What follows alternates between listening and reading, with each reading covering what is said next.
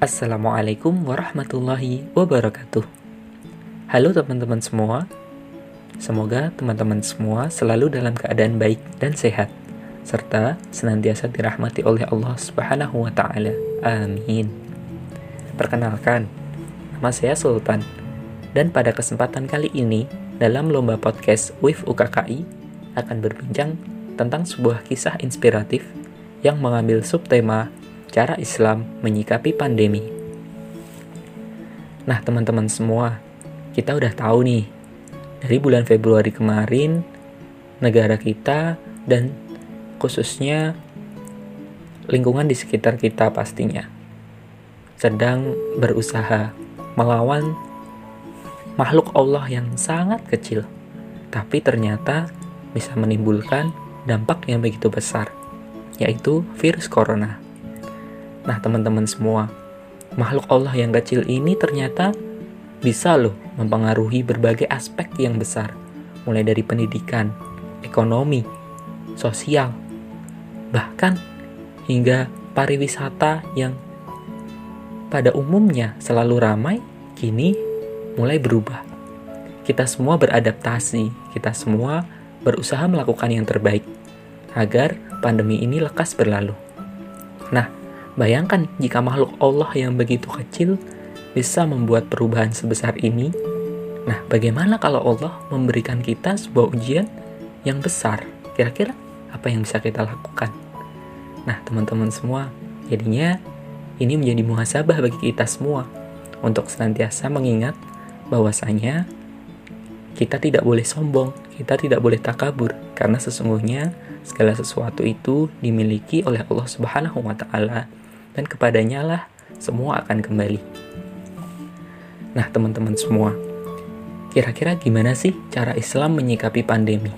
Nah, saya memiliki sebuah kisah inspiratif yang insya Allah akan saya bagikan ke teman-teman semua dalam podcast kali ini yang saya beri judul Corona dan Islam Cinta. Teman-teman semua yang dirahmati Allah, Kenapa saya beri judul Corona dan Islam Cinta? Karena cerita ini memiliki inti dari keduanya. Kisah yang ingin saya ceritakan ini terjadi beberapa waktu lalu. Di suatu siang yang terik di hari Jumat, ketika masa PSBB sudah berlalu, dan kemudian kita semua dipersilahkan kembali untuk berkumpul dengan pembatasan orang, kemudian masjid dipersilahkan kembali untuk berjamaah, dan kemudian saya melaksanakan sholat Jumat. Dalam sholat Jumat tersebut, saya melihat banyak ternyata jamaah yang berbondong-bondong datang ke masjid. Setelah selama beberapa bulan kita tidak bisa melaksanakan sholat berjamaah. Nah di situ saya melihat bahwasanya ternyata antusiasme kita terhadap masjid itu masih sangat besar. Ketika saya menyadari hal tersebut, saya mulai berpikir, sebetulnya apa yang membuat orang tidak sholat di masjid? Apakah karena aturan pemerintah atau karena takut virus corona? Nah, ternyata saya jadi tahu bahwa sebenarnya orang yang tidak sholat di masjid itu karena hatinya sendiri, karena dia memilih untuk tidak melaksanakan sholat di masjid. Karena bahkan di saat corona sekalipun, ternyata antusiasme untuk kembali ke masjid itu masih sangat banyak loh. Ya walaupun jumlahnya tentu tidak sebanyak biasanya. Namun saya bersyukur dan saya melihat itu sebagai fenomena yang positif. Ketika saya memasuki gerbang masjid yang biasanya tidak dilaksanakan sholat Jumat, di situ sudah menunggu pemuda-pemuda masjid yang mengecek dengan menggunakan termogan kemudian menganjurkan untuk mencuci tangan, menggunakan hand sanitizer. Dan bagi saya itu sangat inspiratif sekali. Kenapa? Karena ternyata justru saat corona ini pemuda-pemuda masjid yang mungkin biasanya saya jarang melihat, tapi ternyata mereka mau dan juga mampu untuk melaksanakan tugasnya sebagai pemuda, sebagai pemikul dan calon pemegang estafet dakwah dan juga agama ke depannya. Nah, teman-teman semua, setelah saya menyadari hal tersebut, saya juga melihat lagi tentang kedisiplinan jamaah di saat diminta untuk tidak saling berdekatan dengan soft. Jamaah yang kemudian diselang-seling antara satu soft dan lainnya, mereka semua disiplin, tidak mempertanyakan. Karena mereka mentaati aturan ulil amri.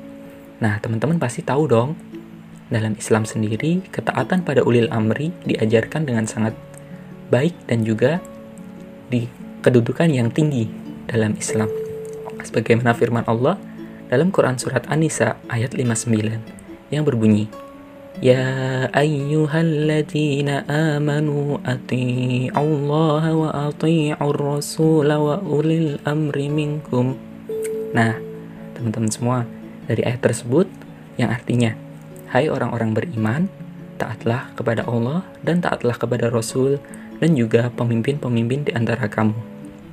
Nah, dalam ayat ini disebutkan ulil amri atau pemimpin. Nah, sebagaimana kita di negara ini, kita memiliki ulil amri yang sah, pemimpin yang sah, yang memberikan aturan bahwasanya jamaah di masjid harus melakukan selang-seling pada softnya dan kemudian membatasi jamaah mengecek suhu badan dan lain sebagainya. Dan kemudian, apakah umat Islam protes dengan hal tersebut? Tidak umat Islam justru malah menaati ajaran tersebut dan itu adalah perbuatan yang benar. Kenapa? Karena Allah sendiri yang mengatakan bahwasanya kita semua harus taat pada ulil amri. Teman-teman semua yang dirahmati Allah, dari situ saya juga mengetahui bahwa ternyata betapa lapangnya hati para kaum muslimin, khususnya di negara kita ini. Mau menerima dengan lapang dada, sekalipun bahwasanya mungkin ada yang beranggapan bahwa Kenapa sih soft tidak boleh dirapatkan? Nah, ini tentunya untuk kebaikan bersama. Karena sesungguhnya Islam semuanya mengatur hukum tersebut dan Islam juga tidak mungkin memberikan sesuatu atau mengatur syariat yang membahayakan umat muslim itu sendiri. Nabi Shallallahu alaihi wasallam pun juga pernah bersabda, "Janganlah yang sakit dicampur baurkan dengan yang sehat." Itu hadis riwayat Bukhari Muslim Sahih da, dari Abu Hurairah. Nah teman-teman semua, dari hadis tersebut kita jadi mengetahui bahwasanya anjuran untuk melaksanakan PSBB atau pembatasan sosial tersebut, social distancing, ternyata ada loh dalam Islam dan itu juga dikatakan oleh Rasul, yaitu tidak boleh mencampur baurkan antara yang sakit dan yang sehat. Nah, mungkin anjuran untuk selang-seling soft yang disampaikan oleh ulil amri tersebut juga tentunya harus ditaati karena ditakutkan jika terlalu dekat akan membahayakan satu sama lain. Nah, teman-teman semua, ternyata dari situ saya melihat betapa lapangnya hati umat Islam yang menerima aturan tersebut. Dan saya juga menyadari bahwasanya, oh ternyata inilah Islam. Islam itu adalah cinta. Makanya saya beri judul Corona dan Islam Cinta. Kenapa? Karena betapa mulianya Islam ini sehingga mengajarkan cinta dan kasih sayang kepada kita semua dengan cara lapang dada, rendah hati, tidak takabur, dan tidak menang sendiri. Masya Allah, indah sekali Islam ini. Nah, teman-teman semua yang dirahmati Allah, selain tadi bahwasanya Islam ternyata mengajarkan PSBB atau social distancing, ternyata ada juga loh anjuran untuk lockdown. Apakah teman-teman percaya nih? Enggak? Nah, ini ya, saya kasih buktinya deh. Jadi ketika saya menyadari bahwasanya semua hal itu diatur dalam Islam, bahwasanya Islam itu adalah agama yang kafah atau menyeluruh, ternyata lockdown itu ada loh dalam Islam. Nah, ini disebutkan dalam hadis Rasulullah Shallallahu alaihi wasallam dalam Sahih Bukhari dan Muslim Rasul Shallallahu alaihi wasallam menyebutkan ketika terjadi wabah taun saat itu, maka Rasul mengatakan kepada sahabat-sahabatnya, apabila kamu mendengar penyakit taun itu atau wabah taun itu berjangkit di suatu negeri, maka janganlah kamu masuk ke negeri itu. Dan apabila wabah itu berjangkit di negeri kamu berada, jangan kamu keluar atau lari dari negeri kamu berada tersebut. Nah, teman-teman, ini pasti sejalan banget dong dengan yang namanya lockdown Seperti kita tahu di Cina, ketika terjadi wabah di Cina, maka negara-negara ramai berbondong-bondong agar penduduk Cina tidak keluar dari negaranya dan kembali ke negara masing-masing penduduk luar negeri yang berada di Cina ataupun sebaliknya agar penduduk luar negara Cina tidak pergi ke Cina. Nah, Masya Allah, ternyata hal tersebut sudah disampaikan Rasulullah 1400 tahun sebelum adanya lockdown itu. Ada istilah lockdown, bahkan Rasul sudah menyebutkan 1400 tahun yang lalu. Bayangkan betapa kafahnya Islam ini. Dan teman-teman semua yang dirahmati Allah, ketika saya melihat itu saya menyadari bahwasanya lockdown itu sesuatu yang ternyata disebutkan dalam hadis dan saya menyadari bahwa betapa Islam ini benar-benar mengajarkan cinta dan kasih sayang, mengajarkan hal yang berbuah manis. Tidak ada syariat Islam yang memberikan mudarat atau keburukan.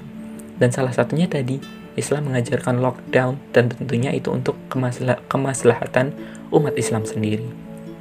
Nah, teman-teman semua yang dirahmati Allah. Kemudian kisah inspiratif saya berlanjut. Ketika sholat dilaksanakan setelah berbulan-bulan lamanya tidak ada. Dan kemudian merasakan sendiri bagaimana oh ternyata umat Islam yang rindu akan masjid itu seperti ini. Umat Islam yang ingin kembali pada masjid itu seperti ini dan perasaan itu benar-benar perasaan yang luar biasa bagi saya. Ketika saya merasakan hal tersebut, maka saya menyadari bahwa ternyata istilah-istilah yang sering disematkan pada umat Islam, Islam KTP, kemudian Islam radikal, dan sebagainya, itu ternyata bukan istilah yang tepat. Mungkin ada oknum yang seperti itu, tapi istilah yang tepat untuk umat Islam, untuk Islam itu sendiri adalah Islam cinta. Kenapa? Karena sesungguhnya ketika saya berada dalam Islam, ketika saya merasakan arti Islam itu sendiri, tidak ada perasaan lain yang saya rasakan kecuali perasaan cinta. Dan bagi saya itulah Islam, Islam cinta. Nah, dari kisah saya tersebut, kemudian saya menyadari saya dari hal yang begitu sederhana, ternyata sangat luar biasa dampaknya. Bagaimana umat Islam yang berbondong-bondong kembali ke masjid, kemudian saya merasakan bagaimana oh ternyata anjuran Rasulullah 1400 tahun yang lalu itu ada dan relevan dengan zaman sekarang. Bahkan sebelum istilah lockdown itu ada, Rasul sudah mengajarkan. Kemudian anjuran Rasul jangan mencampur baurkan antara yang sakit dengan yang sehat dan lain sebagainya. Itu semua adalah demi kemaslahatan atau kebaikan umat Islam itu sendiri. Bahkan bukan cuma untuk umat Islam. Bahkan dianjurkan lockdown, kemudian dianjurkan PSBB dan lain sebagainya itu untuk seluruh umat manusia di dunia, anjuran dari WHO, dari Departemen Kesehatan, dan itu semua sejalan dengan hadis Rasulullah Shallallahu Alaihi Wasallam. Dan itulah bagi saya cara Islam menyikapi pandemi. Bagaimana Islam ini benar-benar kafah atau menyeluruhnya itu memberikan dampak yang positif, menghadirkan cinta dan kasih sayang dalam kehidupan kita semua. Nah, harapannya adalah agar semua menyadari bahwa Islam ini bukanlah radikal, Islam ini bukanlah hal yang sepele, tapi Islam ini benar-benar adalah hal yang menyeluruh, benar-benar jiwa, benar-benar sebuah bagian yang inti, bagian yang utama dari diri manusia, dan itu adalah fitrahnya, bahwa setiap manusia itu terlahir dalam keadaan suci dan kemudian dalam kehidupannya itu mengalami berbagai fase dan pengalaman. Tapi salah satu yang harus disyukuri adalah nikmat ketika dia berada dalam Islam.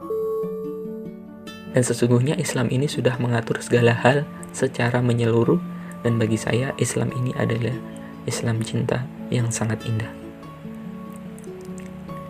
Demikian kisah inspiratif yang bisa saya sampaikan.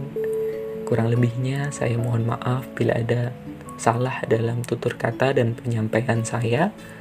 Mudah-mudahan segala kebaikan dan manfaatnya dapat diambil oleh teman-teman semua dan itu datangnya dari Allah Dan bila ada kesalahan dan kekurangan, itu semua datangnya dari kesalahan diri saya pribadi. Dan saya mohon maaf. Bilahi taufik wal hidayah. Assalamualaikum warahmatullahi wabarakatuh.